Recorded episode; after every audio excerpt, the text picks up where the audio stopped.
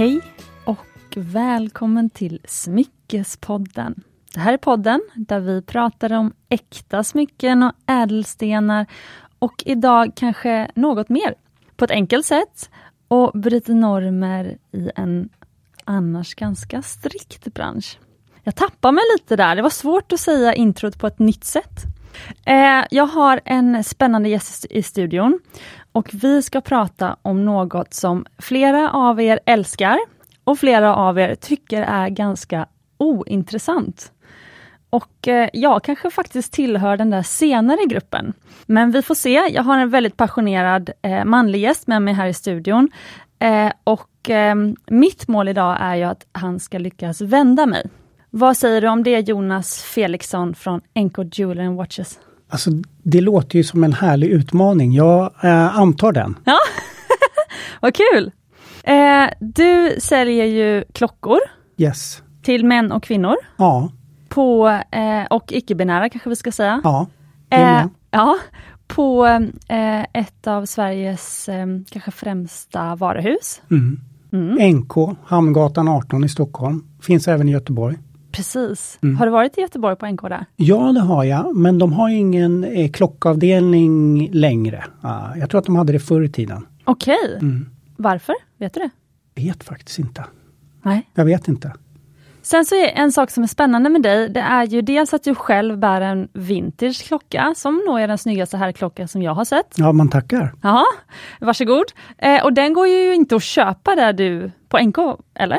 Nej, inte just den här varianten. Men det finns ju moderna varianter av samma modell. Cartier Santos. Och jag tänker att det är kanske bästa eh, införsäljningstekniken, att när man ska köpa en ny klocka så är den så schysst att man till och med kan sälja vidare den som second hand sen. Ja, verkligen. Nej men så är det ju. Och, och på auktionsmarknaden och andrahandsmarknaden så är Cartier stekhett. Senaste två åren har priserna gått i taket och Mm. lite till faktiskt. Ja, så det är ju det är superkul att de får lite cred. Det är de som drog igång egentligen armbandsur för herrar 1904 så att de är de har fått oförtjänt lite cred genom åren och nu börjar det liksom spira. Mm, jättekul. Och eh, när jag träffade dig på NK, det var där vi hade vårt första möte. Yes. Jag har faktiskt berättat om det i, en liten, i en passus i ett av de senare poddavsnitten. Mhm. Mm, visst. Eh, jag sa att jag kände mig som en drottning när jag kom in dit. Vad härligt! Nej, men det är, alltså, jag älskar det där stället, jag älskar huset och Ja. jag tycker att det är så fint också att man får vara med när folk letar efter någonting speciellt. Smycken, fina klockor. eh, Så att jag, jag trivs verkligen och mysa runt där i kavajen och, och plocka fram fina saker till fina tillfällen. Och du har ju väldigt trevliga kollegor. Ja, som jag också fick träffa, för ni är ganska många, alltså på en så liten kvadrat, total kvadratmeter yta är ni väldigt många säljare. Men uppfattade jag det som. Ja. Eh, Men sen förstod jag att det är för att ni har hand om, ni ska vara experter på bara några få varumärken. Så är det. Vi ska kunna hjälpa till med allting i, i princip. Sen är det som nå- om ett par kommer in och ska förlova sig. Då, då hjälper jag dem till en ringexpert. Försöker, Då, då säger inte jag, "Ja, då hjälper jag er, kom här så börjar jag riva i lådorna. Utan det ska finnas någon som kan ge absolut bästa service för det tillfället. Men ibland då är det jättemycket folk, då får, man, då får man kliva i och plocka fram smycken och säga att jag kan visa er så länge men sen så kommer Annika och hjälper er att prova ut perfekta ringar till, eh, till ert bröllop. jag tänkte annars hade du kunnat säga så här, men vet ni vad, jag tycker ni ska ha varsin Cartier-klocka istället för bröllopsring. Ja, men jag brukar säga det att häng med mig kan vi kolla på klockor så länge Ja. tills en eh, smyckesexpert är ledig. Ja. Ja. Annars har jag märkt att typ innan jul, då kommer det in mycket män. Eller också nu innan, nu vet jag inte när det ska sändas, men innan, nu är det ju snart eh, Valentine's Day. Jo men vi spelar in, jag tänkte att kanske nästa eller nästa, nästa vecka släpps det. Ja. Så att runt, eh, du, det kommer vara ungefär, det kommer inte släppas i sommar. Nej. Nej. Nej. men alltså kring Valentine's Day, Ja. kring jul, då kommer det in mycket herrar och ska Ja. köpa presenter. Ja. Och då har jag märkt att ibland så känner de sig mer bekväma med att prata med en annan kille. Ja. Eh, att man lite grann går runt tillsammans. Ja men den där blir fin eller hur brukar andra göra och sådär. Att, att, eh, de känner att de är lite på samma nivå. Att Mm. ett kvinnligt smyckesproffs, eh, ja men så, så ibland så, ibland så har jag gått väldigt bra att hjälpa herrar att välja smycken till sina respektive. Men du, det, jag tänkte på det nu, det är ju självklart, det är ju också därför, för ni är ju en härlig blandning Ja. eh, som jobbar på NK. Vad kallar ni er? Ni som jobbar där? Att, nej men vi, ja vad kallar vi oss? Det är olika. Jag brukar säga, ja, men jag är klockexpert, jag är klocksäljare. Ah, och, ja, smyckesexperter, smyckesäljare. Ja, okej, ja men kanon. Eh, för jag bara tänkte på det att eh, när jag skulle sälja min lägenhet, då misslyckades jag först. Det här var för två, tre år sedan. Eh, och sen, och eh, han var lite så äldre herre, han mäklaren som hade ringt och tjatat på att han ville sälja just min lägenhet. Sen så, ja, mycket om och men. Jag tyckte det hela var faktiskt ganska oprofessionellt skött. Eh, och sen slutade det med att eh, jag sålde inte lägenheten alls. Eh, men sen så en månad senare, och då kände jag så här, men jag skulle lita på min magkänsla från början, för det kändes inte rätt. Sen så en månad senare så var det jag som letade upp en annan mäklare. Och då tog jag en som hade rekordförsäljningen i mitt hus. Det låter ju bra. Ja, precis. Så Ja. jag tänkte så här, okej, då, är hon säkert, då är hon säkert expert på området Ja. också. Eh, och då visade det sig att hon var typ exakt lika gammal som jag. Eh, hon hade, var i exakt samma livssituation. Alltså, och, och det kändes som att så här, hon, hon sålde sen också till några som, i och för sig ett par, men de var liksom 24 år ungefär. Så de var ungefär några år yngre än vad jag var när jag köpte lägenheten. Alltså det kändes som att hon förstod exakt hela... Så det där med likhet ska man inte underskatta. Nej, nej, men jag tror inte heller det. Men sen också, vad ska man säga, olikheten. För vissa av mina kollegor, vi kan inte bli mer olika. I smak till exempel. Ja, våran urmakare Johan, han är helt fantastisk. Vi tycker olika om allting. Vad det gäller när vi själva ska välja klockor. Jag tycker om lite mindre klockor, han vill ha stora klockor. Han tycker om den färgen på tavlan. Jag tycker om den andra färgen på tavlan. Ah, men vi älskar varandra. Precis. Och jag tror att liksom vi kompletterar varandra också. Ja men för att bygga team, Ja. då ska man väl vara så olika som möjligt. Alltså för att bygga ett komplett team. Det var det jag menade med där Ja. ni på NK där Mm, på golvet, mm, att ni är ganska olika. Ja. Eh, liksom demografi kändes det som. Mm.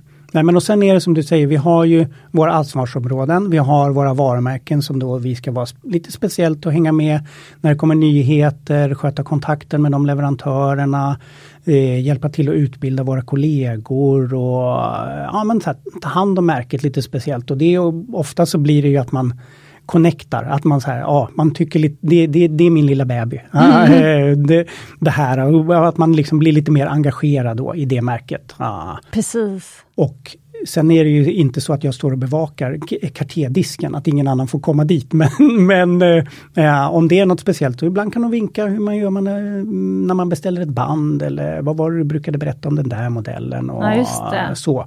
Och jag vet att jag kan göra motsvarande med Olle Lyngard, om det är någon som frågar om någonting, då, då, då ropar jag och Rosie eller Jasmine, eh, kom och eh, vad var det du sa om den där? eh, Eller, Exakt. ja, kan du visa mig iPaden? Det var ju så fint när man fick alla de där inspirationsbilderna och så. Ja. Så det är bra, man känner sig trygg, men det är alltid någon som har, har ryggen på en och Precis. kan hjälpa till. Precis. Men jag tänker också att det ger en extra dimension i kundupplevelsen. Att man känner att man, ja men då får man snacka med dig, men sen vet man att så här, ja, men om jag vill ha lite extra hjälp med just det här varumärket, då kan jag även be om, ja till exempel Rose då. Eh, men att det känns liksom extra lyxigt att då få lite olika liksom personer och, och liksom hålla i handen, lite olika perspektiv också. Ja men så är det definitivt. Och en, ja, men alla är bra på olika saker och alla har olika... Det finns en för alla. Mm, precis. Men eh, jag har alltid undrat, vem är den typiska kunden som kommer in på NK?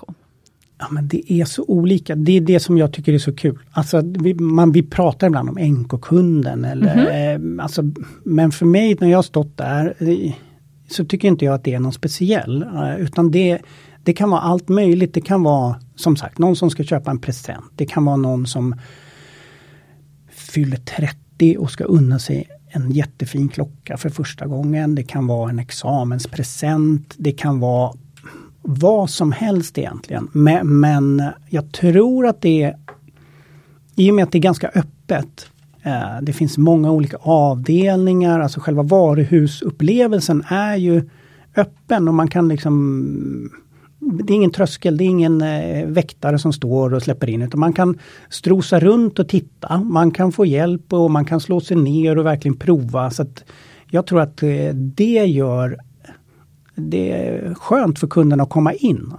Att känna att de behöver inte gå igenom en sluss och så kommer någon och ja, nu sätter vi oss ner här och plockar fram. Att, att man, man, kan skrota runt lite grann innan man känner sig redo för att börja prova.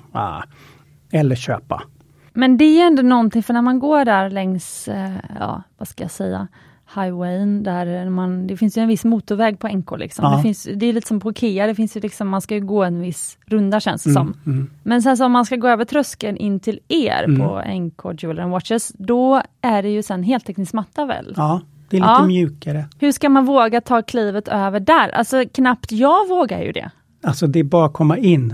Ja, men vi, alltså ibland märker man att men aha, nu måste det vara lunchrast på något gymnasium.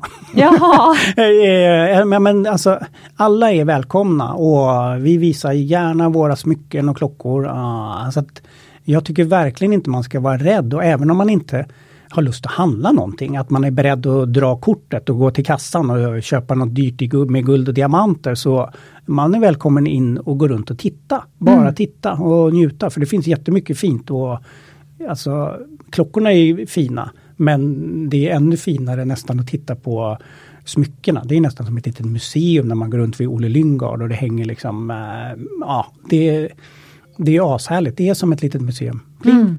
Ursäkta, nu kanske min eh, mail, eh, jag måste stänga av den här. Ja. Så, flight mode on. Ursäkta mig. Nej ehm. men just, nej men just du frågade om, den, om NK-kunden. Nej men jag skulle vilja säga att det, det, det är väldigt blandat.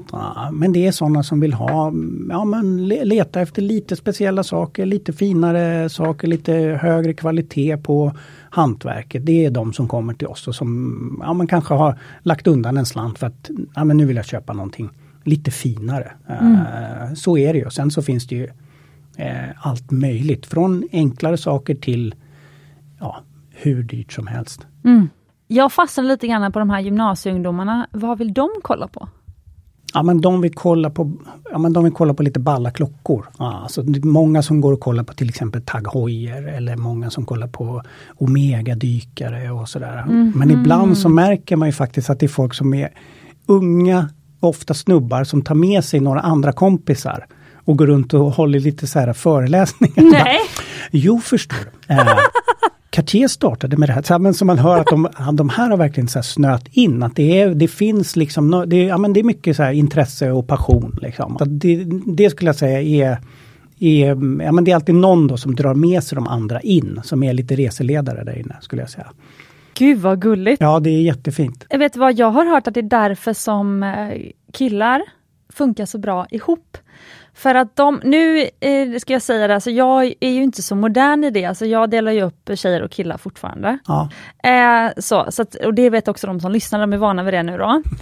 eh, men jag har hört, eller jag har förstått att killar, var, jag läste det någon gång för länge sedan, de accepterar sin grupptillhörighet. Alltså typ i ett fotbollslag ja. eller eh, om man bara ska, om man, om man ska ha svensexa kanske, mm. för att ta kanske lite mer så här, eh, vuxenexempel. Men då skannar killar av så här, ah, vart är jag i gruppen? Och så, ja men han är cool och, och han är sådär och jag är väl någonting mittemellan eller och så liksom rangordnar alla killar sig tyst i gruppen och accepterar sin rangordning. Så det är därför liksom killar funkar bra i grupp från början, liksom. man tjafsar inte liksom, om sin rangordning i princip. Så man accepterar den, Med, medan tjejer, eh, där liksom vi accepterar, alltså vi fightas först om vem, vem ska vara gängledaren och vem ska liksom sådär. Och sätter det sig sen eller pågår fighten? Eh, nej men det blir väl det blir ju lite grupptillhöring, i, vad heter det, Grupp, grupperingar inom gruppen och sånt. Så jag tror att det, det blir väl lite stökigt kanske. Mm. I alla fall bland tonårstjejer. Eh, jag tror inte det, jag har inte upplevt det så mycket i vuxen ålder, men nej. vad säger du bara om den här teorin? jo men kanske, men jag tänkte mer så här att jag känner igen att, att men grabbar kommer ofta i klump. Unga grabbar, tonåringar, då är de fortfarande den där fotbollslags eh. Så då kommer de eh, fyra eller fem i klump. Tjejer kommer i par, mm. ibland tre, inte ovanligt, en trio. Uh, och då kan man nog kanske se att rangordningen är, den är fixad. Ja. Okay. Där är drottningen, där är kronprinsessan. där är hovdamen. Alltså att det är li, lite så. Nu, det här är ju inte, det här är ju min empiriska undersökning. Ja, ja. Jag tror inte att jag kan hitta belägg för det, men så, så har jag nog sett det. Ja. Sen när killarna blir lite äldre, då är det, då är det par, då är det, två, då är det killkompisar. Som. Ja. Ah, okej. Och det brukar nog vara så att en är lite mer dominant. Nej men sån där kan du inte ha. Du kan inte ha ett sånt armband. Nej det där är ingen sån. Alltså, alltså lite så. Jo men så är jag, det, jag måste säga, det, det, det där har jag upplevt, eh, eh, men framförallt för att vi brukar ha i showroomet när vi säljer smycken, Ja, då har vi ju en hel del tjejer som tar med sin tjejkompis, ja, eller killar som tar med, som vill fria, Mm. eller köpa en present till Ja. sin tjej och ta med sin tjejs kompis. Eh. Som också alltid är en tjej. Ja. Det har aldrig hänt att två killar kommer in och ska leta förlovningsring till, till någon av deras partners.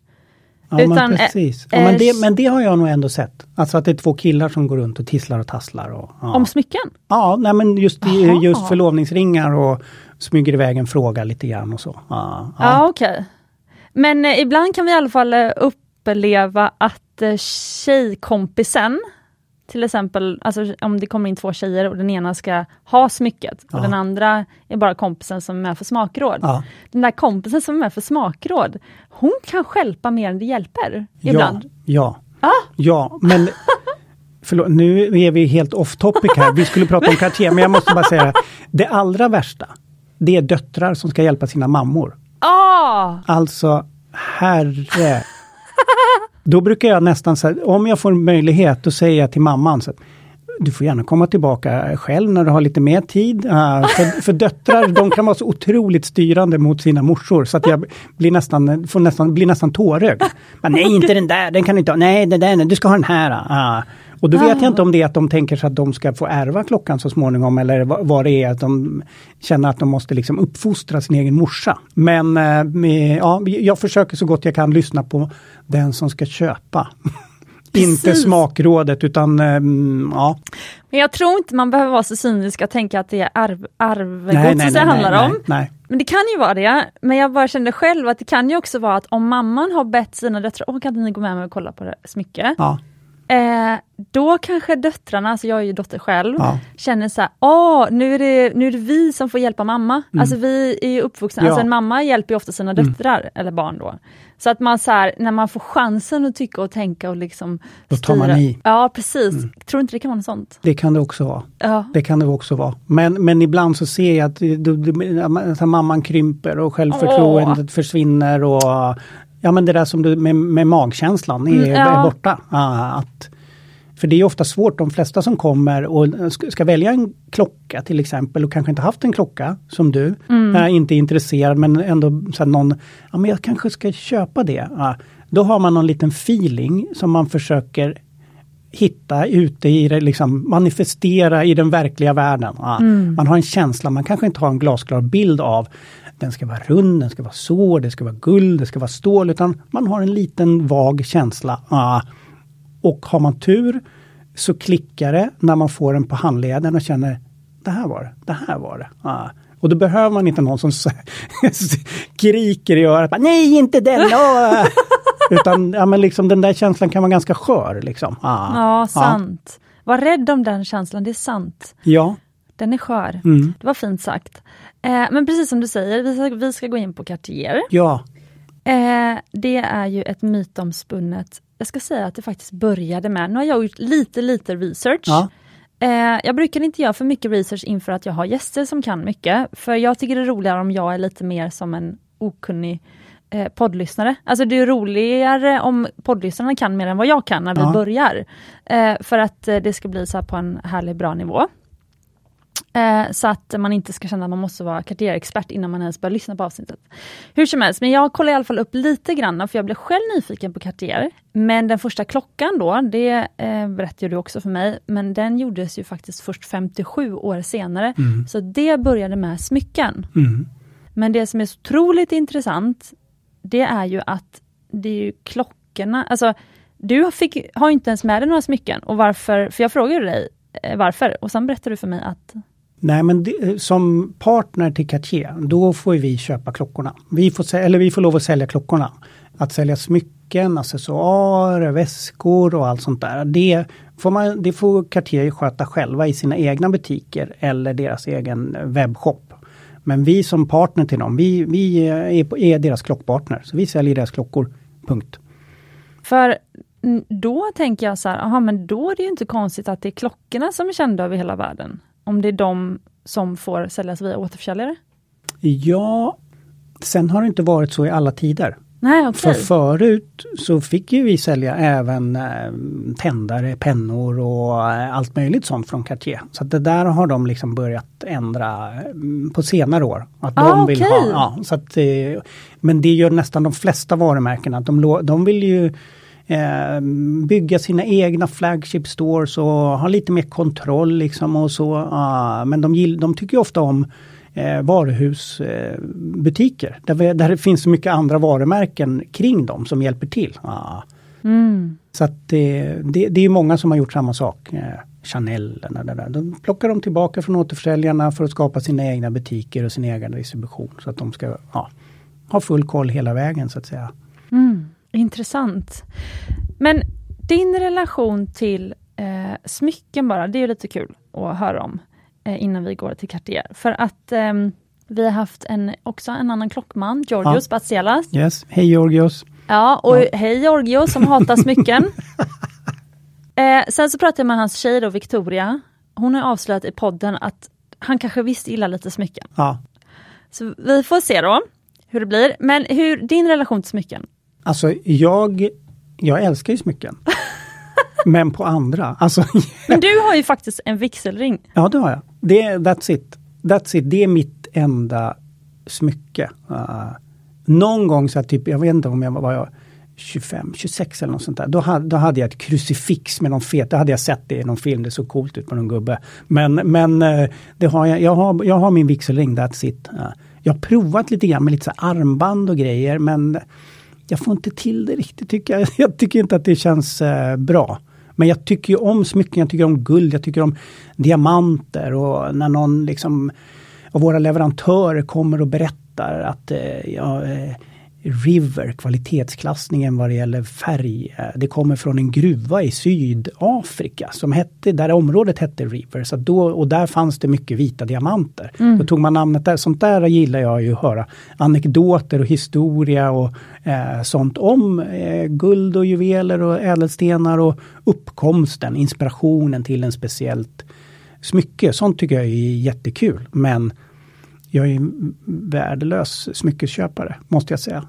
det, så jag kan inte säga som, jag säger inte att jag hatar smycken, men, men jag brukar inte köpa till mig själv.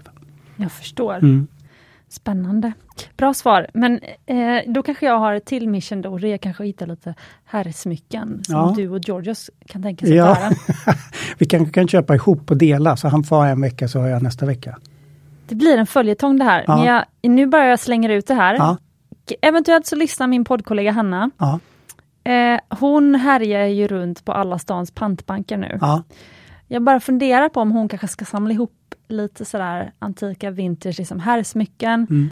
ta med till studion och så får ni prova. Coolt. Jag är på. Kul idé va? Ja. Mm. Ja, vi får se. Eh, men du har ju också, det är en viktig grej, prestationen av dig, att du har ju en um, särskild vurm för vintersklockor och även en Youtube-kanal. Ja, men precis. Det är lite kul att få sagt så här i början också. Ja, om det nu är början. Nu har ju hållit på ganska länge sedan. Så. Ja, nej, men, nej men jo men, ja, men så är det. Jag, jag älskar vinterklockor och jag har en Youtube-kanal som heter Vintage Watch Club. Uh, där träffar jag andra vintage-nördar. Uh, mm.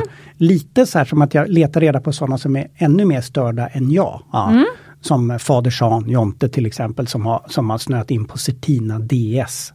Och har en av världens främsta Cetina-samlingar på just DS, Double Security. Sånt tycker jag är jättekul när, någon, när jag träffar någon som är besatt. Jag ska ha alla varianter av den här klockan. Mm. Så det är, jo men det tycker jag är jättekul att träffa andra vintersamlare och då brukar jag ju också välja sådana som shit den där snubben har coola klockor. Ja, ah, vad fint han har. Och, ja, för att jag vill träffa dem och jag vill se prova deras klockor också mycket. Är det ju. Jag, vill, jag vill testa. Ah. Och det har också varit så att ibland har jag varit tvungen att köpa likadana som de jag har träffat. Mm, jag Alltså, bara, förstår "Fasen, problemet. Den där, äh, ja. Och, och till och med också att jag försökt lura av dem, mina gäster, klockor i efterhand. Man kan inte jag få köpa den där? Och ibland har jag lyckats. Eh, tack Niklas. Eh, nej men så det, det tycker jag och, och eh, Patrik. Eh, nej men det är jättekul. Ja. Ah, så det, det är min hobby, det tycker jag är jätteroligt. Ah, och nu har jag börjat med en liksom, liten kortserie där de får välja ut sin favorittrippel. Alltså så här, lite kortare. Tre bra klockor, en sportklocka, en lite fin klocka och en kronograf. Men det gillar jag, det är lite så här smågodis. Ja.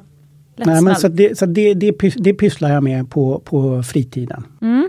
Och det är supersnyggt. Eh, alltså om, jag, om vi någon gång ska börja filma smyckespoddavsnitt så tänker jag att då kanske jag tar hjälp av Jonas känner jag. Ja, men jag, jag hjälper gärna till. Det är kul. Väldigt snyggt gjort. Mm, mm.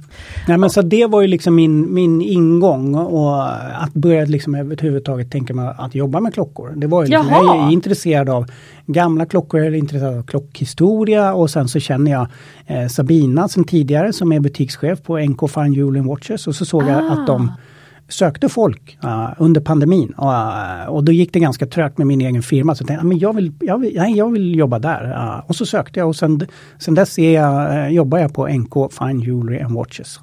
Vad kul! Vad var din firma? jag höll på med film faktiskt. Jag höll på med, jag skrev och eh, regisserade lite kortfilmer och så att jag har jobbat med ja, manus och, ja, manus och, och, och regi. Alltså poletten trillar verkligen ner nu, för jag måste säga det, om jag ska beskriva nu Jonas då, då ser han ju faktiskt ut som typ någon form av filmproducent. Med så svarta tjocka glasögon, eh, svart kavaj, svart t-shirt, svartklädd så. Och eh, just det, lite så här eh, bakåtslickad, lite så här bakåtslickad tuppkam typ, eller vad kallar man den? eh? Tuppkam, Nej men det är väldigt mycket hår som du, Är det? Ja. det är ingen backslick utan det är Ja, någon det sån här film, eh, filmstjärne, sån här, eh, ja vad kallar Ja, man men det? du får lägga ut en bild när inte hörlurarna är på. Ja. Och skägg. Skägg ja, precis. Ja, men det är ganska nytt. Det är Mm, ganska okej. nytt för jag har kört helt renrakat även på huvudet i många år. Aha. Ja, ja, men sen var det någon sommar där jag bara lät allting växa. Ja. Och så sa min fru, så, vad, vad, vad snygg du är med skägg. Och sen dess har jag inte rakat mig. jag fick en Mm, okej. komplimang efter många år och då, det, då ändrar man inte på det. Jag har ju aldrig sett min kille utan skägg. Mhm. Det är också lite läskigt. Ja men han kan ju testa i, när det är semester. Eller något sånt. Så att, han, så att, det liksom, eh, ja. Så att man har tid på sig och låter det växa ut. Ja, det är sant.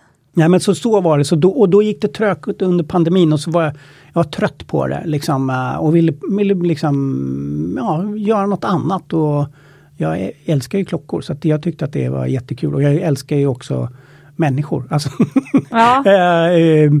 oavsett om det är en farbror som förmodligen aldrig kommer handla någonting överhuvudtaget. Men vill prata om sin Omega som han har fått av sin morfar. Ah, så älskar jag honom. Alltså, ah, Men, och bara Och- för det kommer han köpa av dig, fastän han inte hade tänkt att köpa. Kanske, eller så kommer han varje dag och pratar i halvtimme. Jo men till alla som han träffar på middagar som säger att de vill köpa klockor, så kommer han säga gå till Jonas på NK. Ja men kanske, kanske, hoppas. Mm. Mm. Så allt kommer.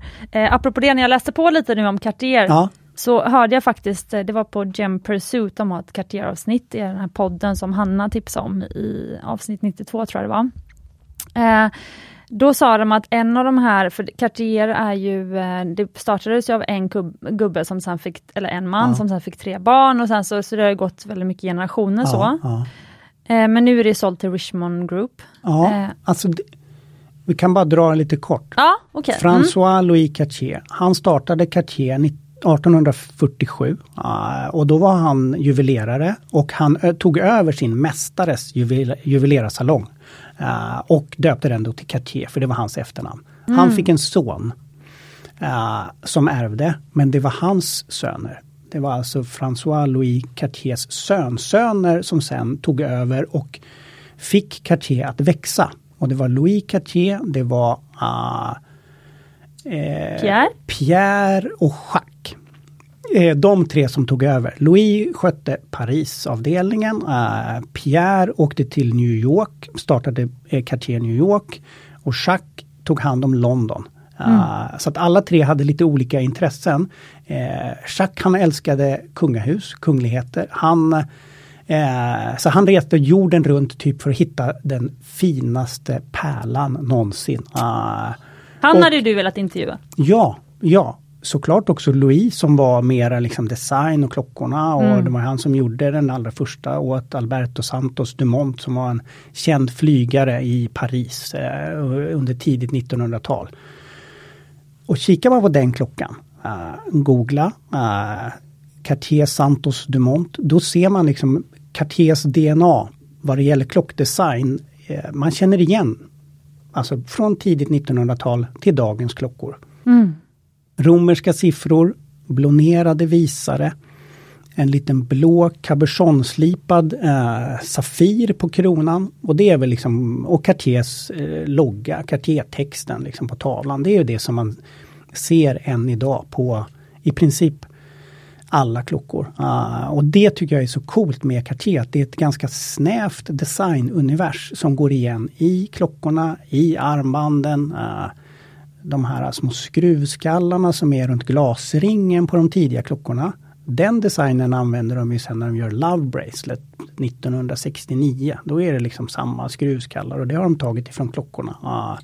Så det liksom återanvänds designelement som gör att man, även om det är liksom deras modernaste senaste klocka, då ser man det här är Cartier. Det är så tydligt och det tycker jag är ganska unikt inom just klockorna. Att, eh, eller inom klockdesign. Många klockor är runda, de är generiska. Så här, är, det, är det här en Rolex eller är det en Longines jag tittar på? Vid en snabb anblick för någon som inte är insatt så är, kan det vara svårt att särskilja. Men Cartier ser man så himla tydligt. Mm. Det älskar jag, att det är så här, yes, det är en sån, uh, vad fint. Uh, att det är, ja, men det är specifikt och tydligt och det är härligt och så gillar jag historien att det är att man ser tråden. Alltså det är som ett eh, vad ska man säga, som ett konstnärskap. Att man ser, om man ser tidiga skisser av en konstnär vad det sen ska bli och så tittar man på hela skapelsen så ser man liksom, det är en sån stark röd tråd i designen som är otroligt häftigt tycker jag. Och jag tror också är attraktionen i det. Mm. Att man säger wow, ah, häftigt, att man ser att det är någonting speciellt. Mm. Men det coola i den historien, det tycker jag är att de Alltså att de byggde varumärket på tre ställen samtidigt. Ja. Alltså det känns som att alltså det, blev, det måste blivit någon form av explosion då, att liksom alla ville ha Cartier helt plötsligt. Ja, det blev stort. Uh, nu kommer jag inte ihåg, vad, vad hette han? Jo, Alltså 1902, kung mm. Edvard i England, Edvard den nionde, han skulle krönas, då köpte han hur mycket som helst ifrån Cartier. Alltså tiaror till äh, gäster och alltså hur mycket som helst. Och han sa då att Cartier är the jeweler for kings and mm. the king of jewelers. Uh, och just på den tiden då var det liksom kungligheter, senare blev det också filmstjärnor, då var ju det den tidens influencers. Alltså, det, var, det var ju kungahusen och det, är, det är lite så fortfarande. Man kollar så här, vad har, vad har Meghan på handleden? Så mm. Jo, hon har en tank Française, Cartier Tank Française. Och det var den som Diana hade också på 90-talet. Jag tror att det är samma klocka, det vet jag inte. Men en gulguld tank Française, jätte jättefin. Ah. Så att det där finns kvar, att liksom det är någonting, eh, ja men det är någonting väldigt exklusivt och förr i tiden var det ännu mer exklusivt eftersom du kunde inte klicka hem en klocka på nätet. Utan du, det fanns ju i New York, London, eh, eh, Paris, de hade i Sankt Petersburg också. Ah, så det var ju väldigt speciellt. Det var, de kanske bara gjorde 100 klockor om året av varje modell i ädelmetall. Så det var liksom ingenting som herr och fru Tekopp gick och handlade när någon fyllde 30. Utan det var, ja, men liksom, jag, jag tänker som, som stora klockvarumärken som fanns överallt. Eh, de allra flesta visste ju knappt vad det där var. Utan det var ju, det var ju speciellt. Liksom. Ah. Men finns det någon risk att det urvattnas? Alltså just det här att det är så enkelt att köpa en Cartier Tank. Alltså, jag tror inte det. När eh, Eh, under kvartskrisen, alltså sen, sen eh, Cartier hade ju företaget i sin familj ända fram till 1964. Ja, då eh, dog den sista av de här sonsönerna och då splittrades företaget upp och köptes uh, i olika konstellationer. Uh, sen på 70-talet då började man liksom köpa upp företaget igen och jag tror faktiskt att även en släkting en, till Cartier var med när Richmond Group bildades. Så det var en arvtagare från Cartier-familjen som är en av ägarna i, mm. storägarna i Richmond när det bildades och köpte tillbaka. Så att, men i alla fall på 70-talet då var det ju stor kris inom liksom, eh, klockbranschen när kvartsuren kom. Ja, och då trodde ju många att eh, börja göra kvartsklockor, alltså billiga batteriklockor och sluta göra eh, ädelmetall. Då gjorde man i silver som man förgyllde. Då tänkte de att det här kommer bli undergången för vårt fina företag. Men det blev tvärtom, för man mm. når ut Alltså även till eh, för, vad ska man säga, det, det, ändå, vi, det pratar, vi pratar ändå om ganska mycket pengar. Det kostar liksom 35 000 kronor för att köpa deras billigaste klocka. Uh, och det, är inte, det gör man inte varje dag. Det är inte alla som köper en klocka för 35 papp. Utan det är fortfarande någonting väldigt fint skulle jag säga. Men då trodde man att det skulle bli undergången men det var tvärtom. Jag tror att det är ganska bra att ha en instegsmodell Sen så har de ju någonting som heter Collection Privé. Det är väldigt limiterade klockor ah, med superfina material, handbyggda urverk, skeletterade. Det är hyperexklusivt. För 350 000 kronor och uppåt. Ah, så att exklusiviteten finns fortfarande inom varumärket. Och det finns eh, Alltså som en Cartier Panthère till exempel. Eh, som jag tycker är jättefin. Ah, det är liksom, sorry, det är damklockornas damklocka. Den finns ju med ett guldarmband som går i tre varv runt mm. handleden. Så att det, all, alla modeller också finns ju i eh, extremt exklusiva versioner. Uh, så att jag det känns inte som om det urvattnas för det finns alltid någonting liksom finare att köpa. Uh. Nu sträckte ju du dig framåt ja. här för att, eh, för att du ville ta den här klockan. Ja. Mm. Eh, men den, det, jag vill jättegärna prova den. Ja, då öppnar jag den åt dig så får du testa.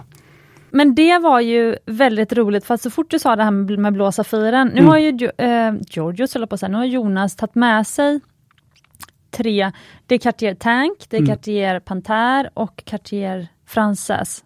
Ja, Tank mm. Frances som är också en del i tankfamiljen. Ja, mm. okej. Okay. Och nu, och även då din egen klocka som du tog av dig och la här, som mm. är den här jättesnygga vintageklockan.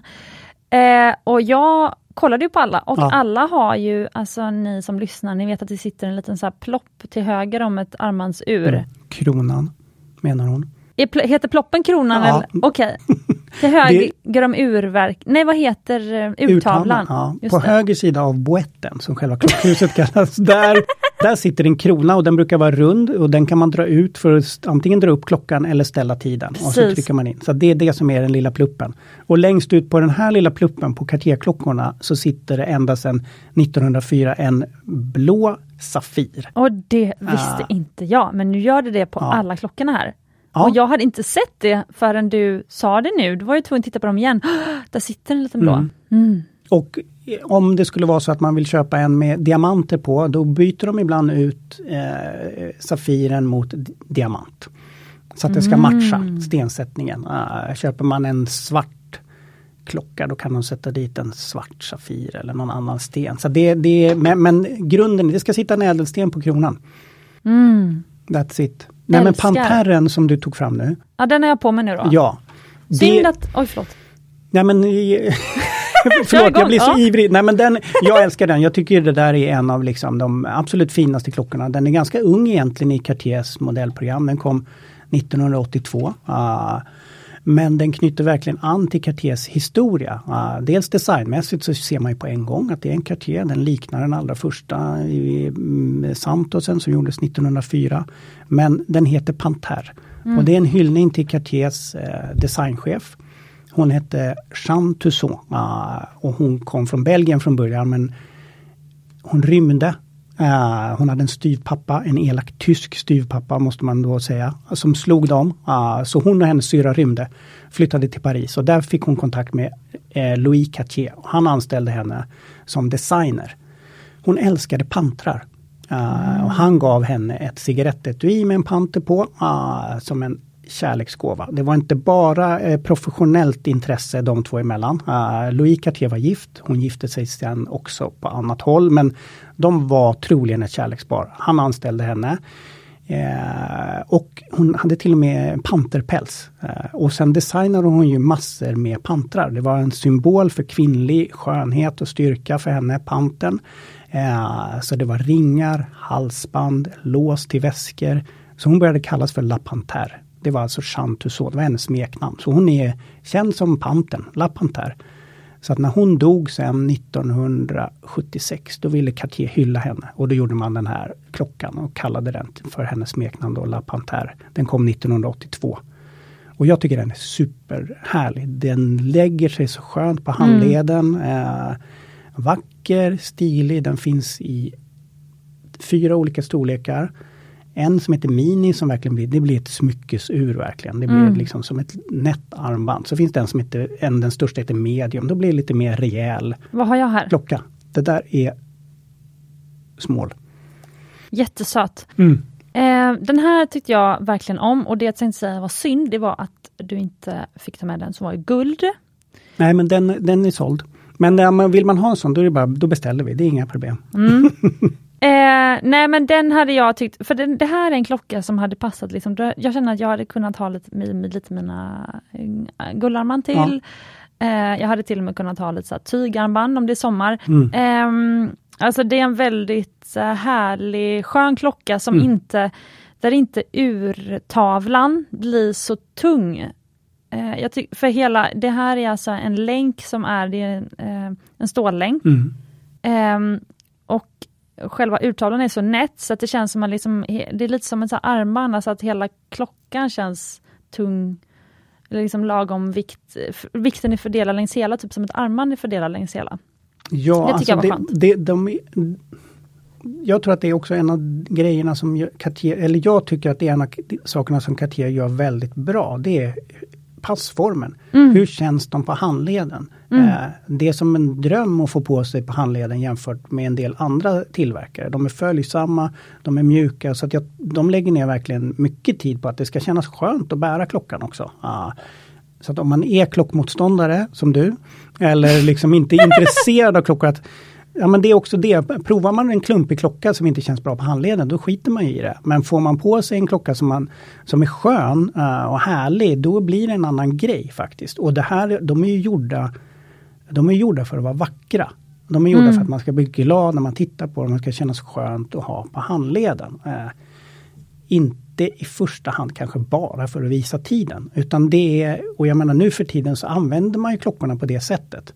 Uh, man vill ha någonting som man tycker om, som man vill bli glad när man tittar på och som känns skönt och härligt. Uh, Åh gud vad fin! Uh, jag älskar att titta hur det glänser det blåa i det här ljuset. det är det som är det är det som är grejen. Man behöver inte köpa en klocka för 30 000 kronor utan man gör det för att man vill ha någonting fint och man vill unna sig någonting som man blir glad av.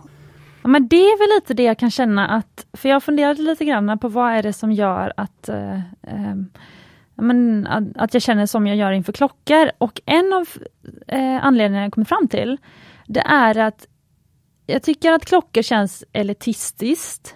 Mm. Det känns inte som att jag kan gå eh, och kolla på klockor lite var som helst eller att det, liksom, att det skulle anses fint bland de liksom, andra som är klockintresserade om jag skulle köpa en klocka, jag vet inte ens vart jag skulle gå då, men eh, från Swatch för tusen spänn, jag vet inte riktigt. Eh, det känns som att eh, och, och, det blir, följden då blir att jag kan inte frossa i klockor. Alltså det är ganska tråkigt att ha ett intresse där så här, ah, men jag har råd att köpa en klocka vart tjugonde år. Mm. Jaha, men varför ska jag vara intresserad av det? Det är ju inte så kul. Alltså det, är ju, det som är lite så här härligt och kul med smycken och kläder och så, tycker jag är att du kan, man kan hitta lite så budget, mm. eh, man kan investera om något fint när man vill, man kan så här, eh, sälja av och, och, byta, byta bort och, och lämna ifrån sig. Alltså det finns mycket mer flöde i det. Alltså, eh, men för mig, det som du beskriver, precis så är det för mig med klockor. Jaha, okej. Okay. Alltså det finns budget, det finns det och det. Jag kan köpa en sån och slita på några månader och sälja för att jag tycker Jaha. den såg rolig ut. Men jag håller med om att det finns en viss snobbism inom klockosfären. Uh, och att man, ja men det där är fint och det där är inte bra. Och, och mycket tyvärr har det varit gubbar som sätter agendan. Att liksom, nej, nej, nej, det där är en batteriklocka, det är inte alls bra. Mm -hmm. Men jag håller inte alls med. Att det, liksom, det, jag tycker, det är klart att jag tycker om mekaniken och allt sånt där in, bakom urtavlan. Äh, fina urverk och allt sånt där. Men jag tycker inte det är det viktigaste. Äh, att ett mekaniskt automatiskt urverk är det finaste som finns, äh, tycker en del. Äh, och att en batteriklocka, det är ingenting att ha överhuvudtaget. Äh, jag håller inte med. Jag tycker att det är schweiziska klockindustrins mest framgångsrika myt. Eh, Cartier gör jättefina klockor med batteriverk. De blir tunna och fina, det är enkelt att ta hand om dem, du behöver byta batteri vartannat år, se till att den är tät och that's it. Ja. Sen finns det ju såklart en charm med massa avancerade urverk och komplikationer och sånt där som jag också kan förlora mig i. Men ofta är det på bekostnad av eh, bärbarheten på handleden. Att det är så, ja men då blir det något stort och klumpigt eller jag tycker inte att det, liksom uppfinningsrikedomen ska ta över liksom känslan och designen. Jag tycker att formen är liksom eh, där lite viktigare faktiskt. Eh, när, när det gäller att ha den på handleden.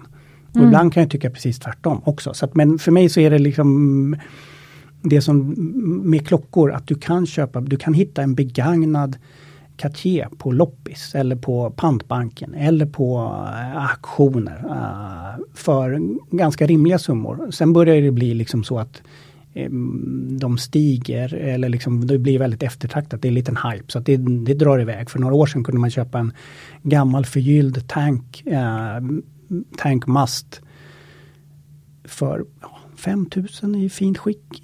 Wow. Och nu kanske man får ge ja, 10-15 för någon som inte ska vara alltför sliten i förgyllningen och liksom sådär. Men det, men det är ändå nu har jag fått lite tunnelseende för jag har hållit på samma klockor länge. Men för mig att liksom lägga ner 10-15 tusen och få en jätte, jättefin klocka. Jag tycker att det är, är värt. Så att det, det, går ju. Sen om man, det, det, är klart att man kanske inte kan frossa som du säger i Cartier och bara Åh, jag köper en till idag och en imorgon. Men, men kan man inte i Olle Lindgårdsmycken heller i nej, sig. Nej, precis. Nej, men så att någon måtta får det vara. Ja.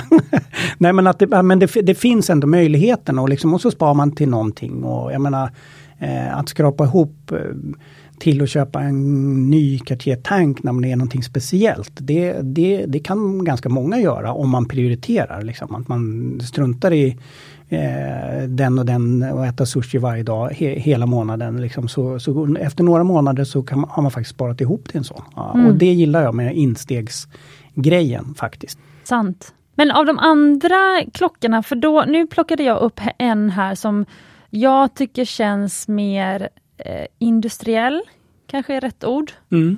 Lite större block. Mm. Eh, så om man tänker liksom hela, den andra är, den här Panther Um, alltså jag kan så se mig honom, nu var det inte honom då, men jag kan se, liksom, det känns som, som att det skulle vara, det, den är designad för liksom en cool kvinna. Mm. Den här jag håller i nu, som jag inte vet vad den heter, men den känns... Punk Française. Ja, utan mm. att veta historien nu, mm. som du kanske ska mm. berätta för oss. Då känns den som en miniversion av en så här, klocka som är designad för en elegant minimalistisk herre. Alltså egentligen från början så var det nästan en, det var en damklocka. Ah, den kom 96 eller något sånt där, eller tidigt 90-tal i alla fall. Så den är ganska ung. Så att den, den, är stram, lite moderna former, lite rakare. Eh, det, det, stämmer. Nu, den som du håller i nu, den kom för bara några veckor sedan. En uppdaterad variant av den. Den är lite mer borstad, inte höglanspolerad överallt. Den är lite bredare boetten. Eh, ja men lite som du säger, lite rakare design, lite mera, men fortfarande så är det ju väldigt mycket Cartier. Och, och grunden är 90-tal? Ja. Men det, det tycker jag man känner faktiskt. Jag tycker inte att den bästa designen, det var ganska lite bra design som gjordes mm. på 90-talet, mm. eller? Ja, men jag håller nog inte med. Jag Nej, tycker att den där är, är, lyckad faktiskt. Och det, det där är den som prinsessan Diana hade och även, ja, även vad heter han? Eh, Christopher Moltisanti, ni som har sett Sopranos. Eh, Eh, den heroinberoende gangsten ifrån New Jersey som är den eh, jobbiga kusinen som, som alltid, alltid fuckar upp det för sig och andra. Ah, han hade också en sån i, i helguld, ah, i den lite större storleken. Nej, men jag, jag, nej, jag gillar nog den där. Ah, sen kanske jag inte skulle köpa den själv, men många tycker ju att en del av Cartiers designer är de ser för, för gamla ut. Det är lite så här retro, um, det är super, super klassiskt och vill ha någonting lite modernare, lite tuffare. Och då, uh, ja, då, då har man ju den. Jo men faktiskt. det är nog, ja förlåt. Ja. Men det är nog precis det som jag känner att uh, Alltså 90-tal har ju inte blivit designklassiker än. Nej, inte än. Snart. Sen, sen, kan det ju vara att det var ju det, jag är född 89, mm. så jag vet inte om man, om man har en speciell relation till årtiondet som kom efter, um, som man föddes. Men, um, men jag tycker den, den känns så omodern att den för mig nästan är lite så ful. Mm. Men det har väl att göra med att jag inte tycker att den är retrocool, utan den, den, bara är tråkig. Men sen tar jag upp din klocka som jag älskar och sen ser jag att de är faktiskt ganska lika, fast eh, den här som nu kom för några veckor sedan då, som jag, eh, du har beskrivit här, den här Frances, den känns som en så här eh, dålig version av typ din jättesnygga. För jag ska, måste beskriva din då, ja. den heter Santos. Ja. Eh, och den har ju små eh, som bultar som sitter längs hela eh, urtavlan och även längs hela bandet. Ja men precis, små Den känns skruvar. jättecool ja. och eh, så här detaljerad och det var ju den jag kommenterade till när jag var på NK och träffade dig. Mm. Den klockan. Så den, den, är liksom, den andra känns bara så som att man tagit bort alla detaljer. Alltså de har, de har eh, gjort allt de kan för att den ska vara så clean och ren som möjligt, eh, fransäsen. Då. Det som du säger att de har tagit bort detaljer, det stämmer. De vill göra det, att det ska vara så eh, eh, följsamt som möjligt. Att länkens övergång till själva klockhuset ska vara osynlig. Att den ska liksom vara nästan så att den ska vara som utskuren ur ett block som jag fattar det. Det, det är det som de vill eftersträva. Att kronan är lite utfräst in i boetten. Ah. Men jag tycker, alltså jag, jag, alla, ja men, det, det, ja, men jag, jag gillar ju att man, vad ska man säga, för en del tycker så här, nej, men nej jag vill ha den där, den där, nej den där ser ut som min mormors klocka. Ja, och andra tycker bara, oh, wow, den där ser precis ut som min mormors klocka. Alltså det är ja. ju verkligen eh, så. Jag tror att Cartier vill ha någonting som känns ändå modernt. Och som gör ju också en modern variant av min klocka, Santosen, som är super crisp som känns eh, ashärlig. Det är med, mm.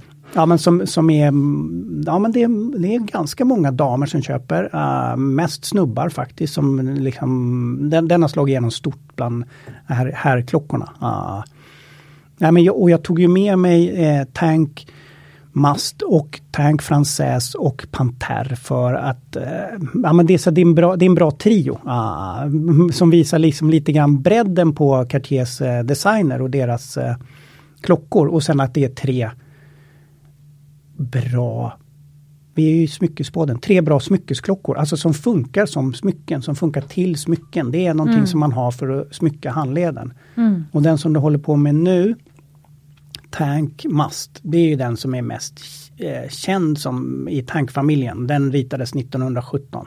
Och det var just Louis Cartier, han hade varit i första världskriget. Han blev också inkallad, det räckte inte, man slapp inte bara för att man ägde en fin juvel och klockfabrik. Eh, så han hade varit fordonsförare och sett liksom pansarvagnarna som gjorde att de allierade vann mot tyskarna. Tyskarna gjorde 12 pansarvagnar. Fransmännen gjorde 3500 eh, Renault Tanks. Eh, så att när han kom hem då ritade han den här. Och det ska liksom, designen är hämtad från, det, det ska vara en pansarvagn uppifrån. Så att boettsidorna är larvfötterna, eller banden, eh, visarna skulle vara kanonen. Ah, uh, om man ser så designskisser så är det verkligen det är så det är uttänkt. Och den allra första gav han till General Pershing som var USAs befälhavare i Europa under första världskriget. General Black Jack Pershing som var en visade sig efterhand väldigt kontroversiell figur. Men han var ju hjälte, han hade hjälpt Europa att vinna mot tyskarna. Uh, han fick en i platina, så det var den allra första. Och då var det liksom ett, det var ett herrur. Uh, en krigsklocka. Sen har ju det blivit en Jättepopulär bland tjejer också. Jackie Kennedy, Catherine Deneuve, uh, Patti Smith. Det är ju jättemånga som har haft den här klockan och många snubbar också. Muhammad Ali, uh, Andy Warhol. Så det är ju liksom en uh, Rudolf Valentino, den gamla charmören från uh, 20 och 30-talet. Alltså det är en helt sanslös historia du berättar. Och nu när jag sitter och tittar på den så kan jag se det här pansarvagnsdragen. Liksom, ja. mm. Eh, jag tycker det är riktigt coolt och om man pratar linjer Den, hela den här urtavlan består av typ fyra linjer. Mm. Det är så delikat och sen så är det den här lilla kronan då Mm. med den blå safiren. Mm. Eh, den här är den enda klockan du tagit med dig som har läderband. Mm. Eh, är, det, är den poppis just med läderband? Ja, de allra fler, eller Jo, men den, den är poppis med läderman. Många köp, den finns med länk också. Ja, och så är det ett så här snabblås att du ska kunna byta länken mot ett läderband jättesnabbt. Mm. Och det gillar jag. Såna där, att det är, den är ritad 1917 men den är modern på så sätt. Den har Mm. lite fiffiga uppfinningar som gör att man liksom kan varva. Ja. Men, men den mest klassiska utförandet, då ska det, jag tycker så här, jag är, ibland är jag lite fyrkantig, det ska vara läder. Ja. Ja, det fanns inte På stor- just eh, mast, tankmast? Ja, men jag, tyck, jag tycker den gör sig bäst för jag tycker att det avsmalnande läderbandet eh, är så otroligt snyggt. Och så jag tycker också att den vita urtavlan, svarta romerska siffror, stålet eh, och eh, det svarta skinnet. Det där är ju liksom en grym klocka till den fina lilla af, svarta aftonklänningen. Eller, Det är sant! eller skinn, skinnpajen. Alltså det, den är, jag tycker den är så användbar. Jag, och sen så gillar jag också att den är affordable. Det där är ju liksom eh, det är ju det är den billigaste Cartier-klockan man kan köpa. Du, Ja, jag tänkte faktiskt fråga dig det. det var, jag satt och funderade på det, det måste vara den billigaste klockan. ja. Man känner att den är billig, man ser nästan att den är lite billig, men det är Cartier. Och så tänkte jag, det måste ju vara därför det har blivit influencerklocka nummer ett. Alltså, det, anledningen till att den här känns lite billigare också, det är att det här är den senaste varianten. Då är det återvunnet äppelskal. Så det är inte alligator eller eh, kalvskinn, utan det här är ett veganskt band. Fantastiskt! Ja, det är super, det, det är jätte, alltså jag älskar det. Ja. men skojar du med äppelskal? Nej, nej, nej, det är återvunnet äppelskal som de, eh, som de har gjort band av. Ja. Och känslan i det, det är inte riktigt samma som eh, ett präglat kalvskinn eller något annat som känns liksom lite mer rejält. Så att sätter man på ett annat lite mer exklusivt band, då, får det inte, då känns det inte som en billig klocka skulle jag säga. Så det, det, det är lite så, men jag tycker att, det, att det, själva uppfinningsrikedomen älskar jag. Jag blir superglad och det är solcellsdriven så att den laddar, alltså du har en batteritid på 15 år. Ja. Det är också en liksom, nyhet för Cartier. Måste man ha den i solen? Nej, det räcker med artificiellt ljus. Att den är liksom ljus, ljus eh, den, den laddar batterierna genom ljus. Det släpps igenom ljus i de här svarta romerska siffrorna. Så är liksom bakom där så finns en eh, där man kan la- ladda batteriet. Alltså som wow! heter Solar Beat.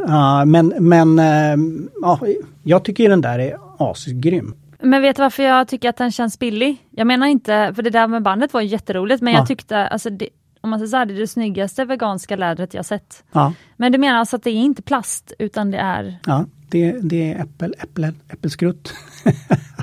okej, det här var väldigt spännande, jag måste följa upp på det här. Men om jag håller de andra klockorna så är det ju att urtavlan på de andra klockorna är mycket, mycket tyngre. Så det känns som att urtavlan på Tank, eller stämmer det, eller luras jag bara av att Nej, det du är luras av stålband? länkarna. Ja, jag gör Länkarna, det, eh, För att skulle jag, ha, skulle jag haft med tankmast med eh, stålbandet, då skulle det vara den tyngsta av dem. skulle Ah, jag säga. okej. För att den länken är ganska tjock och klumpig. Förlåt, den är, är lite rejäl. Nej men jag, det, jag, ibland kan jag inte låta bli att låta min egen så smak. Jag, jag, jag känner det ibland när jag sitter med, så för att jag, du ska inte prova den med läderband istället? Men, Eh, nej, men den är ju jätte, jättefin på läderband. Ja, Men eh, försäljning är väl också att, alltså det märker jag på mina personal jewelry shoppers i Mm. showroomet. Alltså man kan ju nästan se på ringstacken som såldes vem som var säljare. Ja, kanske, men, alltså jag, jag försöker, men det som vi pratade om med den här lilla sköra känslan, att man ska försöka lyssna på den som handlar. Ah. I början då var jag väl, då var jag ganska så sträng, nästan så smälla på fingrarna om det var någon som ville ha något som jag tyckte var fel eller fult. Men, men, men jag har liksom många gånger mina egna förutfattade meningar och min egen smak har jag fått liksom slänga åt sidan. För jag har, ibland har jag tänkt om någon klocka så här, den, det där är nog den fulaste klockan som har gjorts. Vem ska köpa den där klockan? Ah. Och sen kommer det in någon som bara sätter den på handleden och så tänker jag wow, shit vad tufft det där blev. det där var ju perfekt. Ja, men där, det finns en för alla. Det var, de, det var den personen som skulle ha den där klockan. Superbra och då har jag nästan gått runt och skämts för att jag tyckte att det där, alltså det var ingenting för mig kanske, men för, för den personen var den helt perfekt, outstanding och då får jag omvärdera ganska mycket av mina förutfattade fyrkantiga liksom, eh, meningar om vad som är fint och vad som är fult och vad som är bra och vad som är dåligt. Mm. Men när det, gäller, när det gäller Cartier, då har jag inte så mycket sånt egentligen. Utan då är, då är det väl lite grann så men jag tycker att Tank Must och Tank Louis, uh, Tank Louis det är ju den gyllene uh, storebror till Tank Must. Mm. Då är de gjorda, hela boetten är gjord i, i guld. Det, jag tycker att det ska vara skinnband på dem. Uh, sen så finns det en länk till dem uh, som kallas för, alltså lite så Beads of Rice, lite lik som den som kan, uh, Panterlänken som är jätte, jättefin i guld då också. Uh, det, då blir det super, super härligt. Men uh, stålänken har jag inte riktigt uh, vant mig vid än. Förstår. Mm. För vi behöver nu, nu har tiden gått så himla snabbt. Ja. Eh, vi behöver lite rulla av, det är bara mm. några minuter kvar ja. som vi får vara i studion.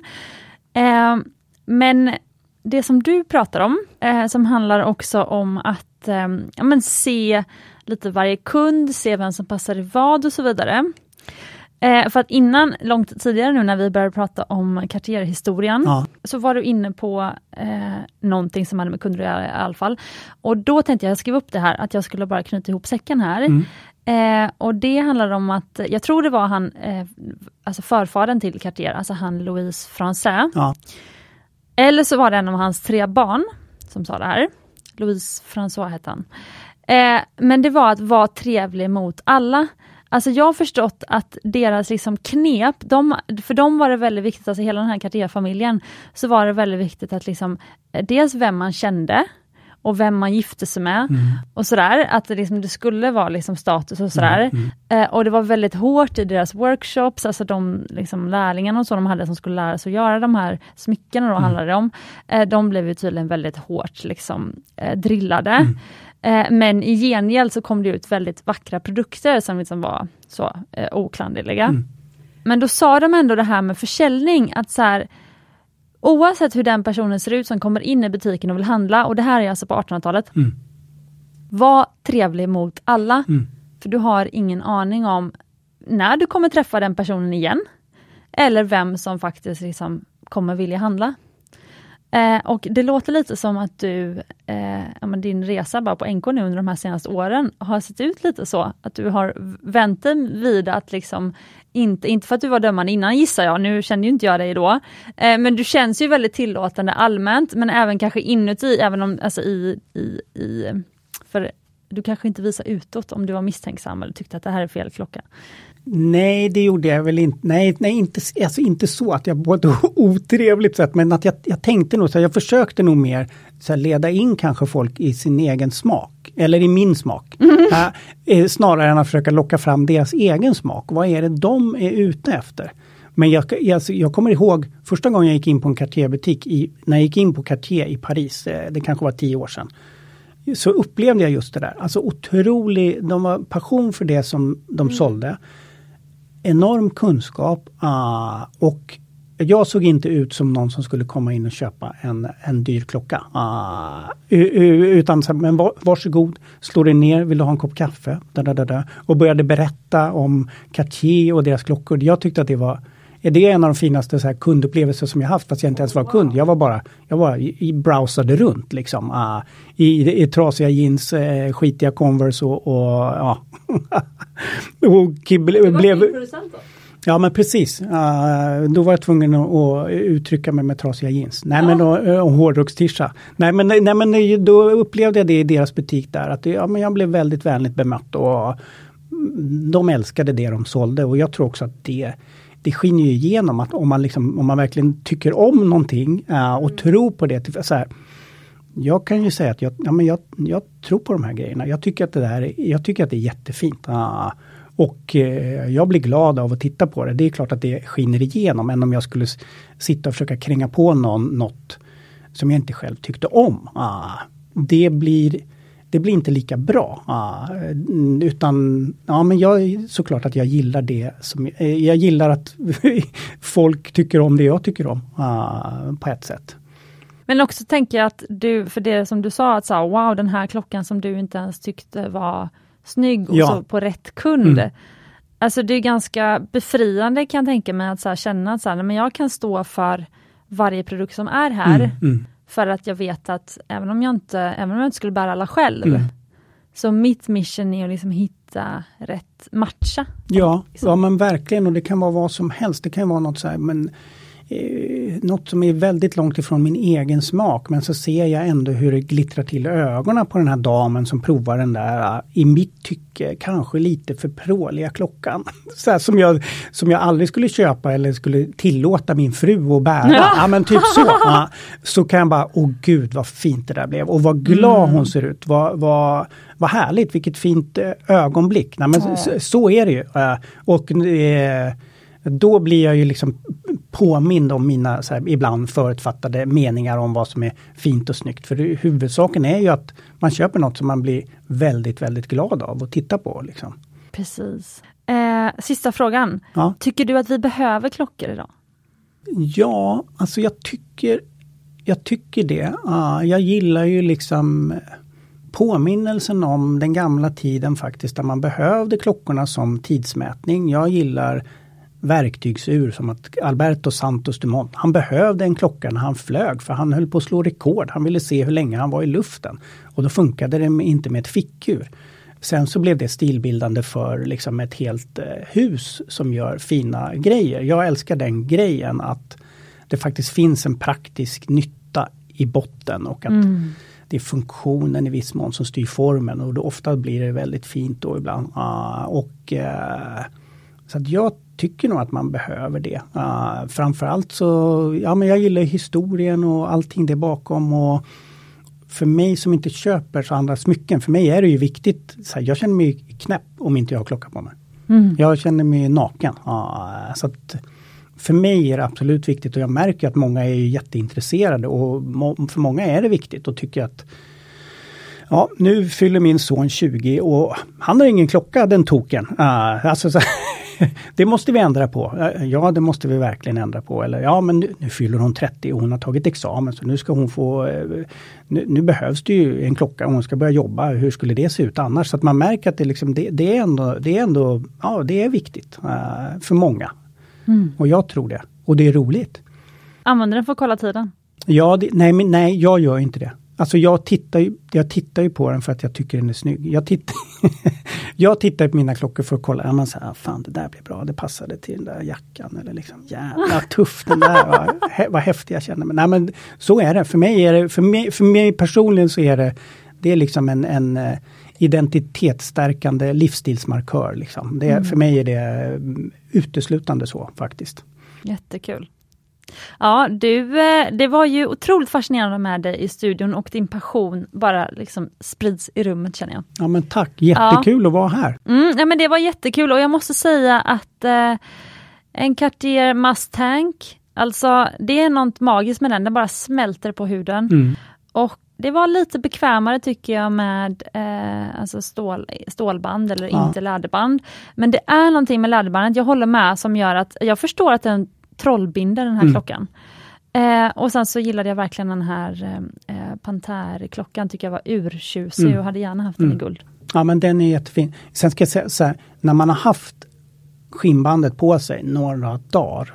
Då är det ju som att ta på sig sina finaste kalvskinnshandskar. Då är den ju Ah. jätteskön. Den här är ju direkt ur vårt lager, ur lådan. Så den, då är bandet lite styvt. Ja. Så det, det, Äppelskruttarna har stelnat. äppelskruttarna har inte mjuknat och blivit så följsamma som de är. Ja, vad kul. Finns det något, något du vill avsluta med att säga så här till eh, eh, lyssnarna?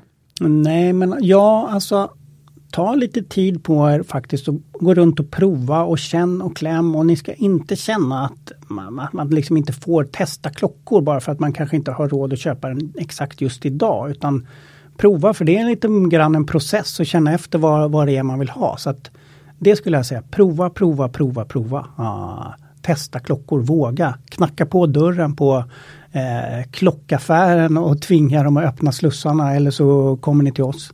Och eh, jag har en känsla av att vi kommer ha mer av eh, er eh, dig och dina kollegor här i podden. Ja, men jag hoppas det. Jättekul mm. att vara här. Ja, superkul. Ja, nej men stort tack för att du tog dig tid och eh, för att du tog med dig de här härliga klockorna. Tack. Tack. Och eh, om lyssnarna vill följa dig, kan man göra det i någon, det är Youtube, är det någon mer yeah. social kanal? Uh, Youtube, uh, Vintage Watch Club, Instagram, Vintage Watch Club och sen har jag ett annat Instakonto där också som heter gummo.70. som är, liksom så här, det, är, det är mina här, eh, privata klockbilder. Ja, det, kan jag, mm. det kan jag outa. Och sen eh, NK Watches and Jewelry. Eh, det är NK Fine, eh, Watches and, NK Fine Jewelry and Watches Instakonto. Så NK... Som du eh, Ja. Som du har hand om? Ja, mm. jag och en kollega eh, postar liksom, det är mycket att vi repostar våra leverantörer, alltså de plöjer ner, de gör jätte, jättefina bilder så ibland känns det så löjligt när man får en video från Messica som är helt fantastisk. Så, här, så ska jag gå in och fota eh, dem i eh, ljuslådan, det är, det är bättre liksom att, ja, vi använder mycket av det som eh, de eh, skickar till oss helt enkelt. Så NK Watches and Jewelry på Insta. Mm. Massa konton. Ja, ja hur mycket som helst. Ja, kul. Och jag har fotat och filmat så de här klockorna som eh, Jonas hade med sig nu kommer komma upp på Smyckespoddens Instagramkonto där vi heter Smyckespodden.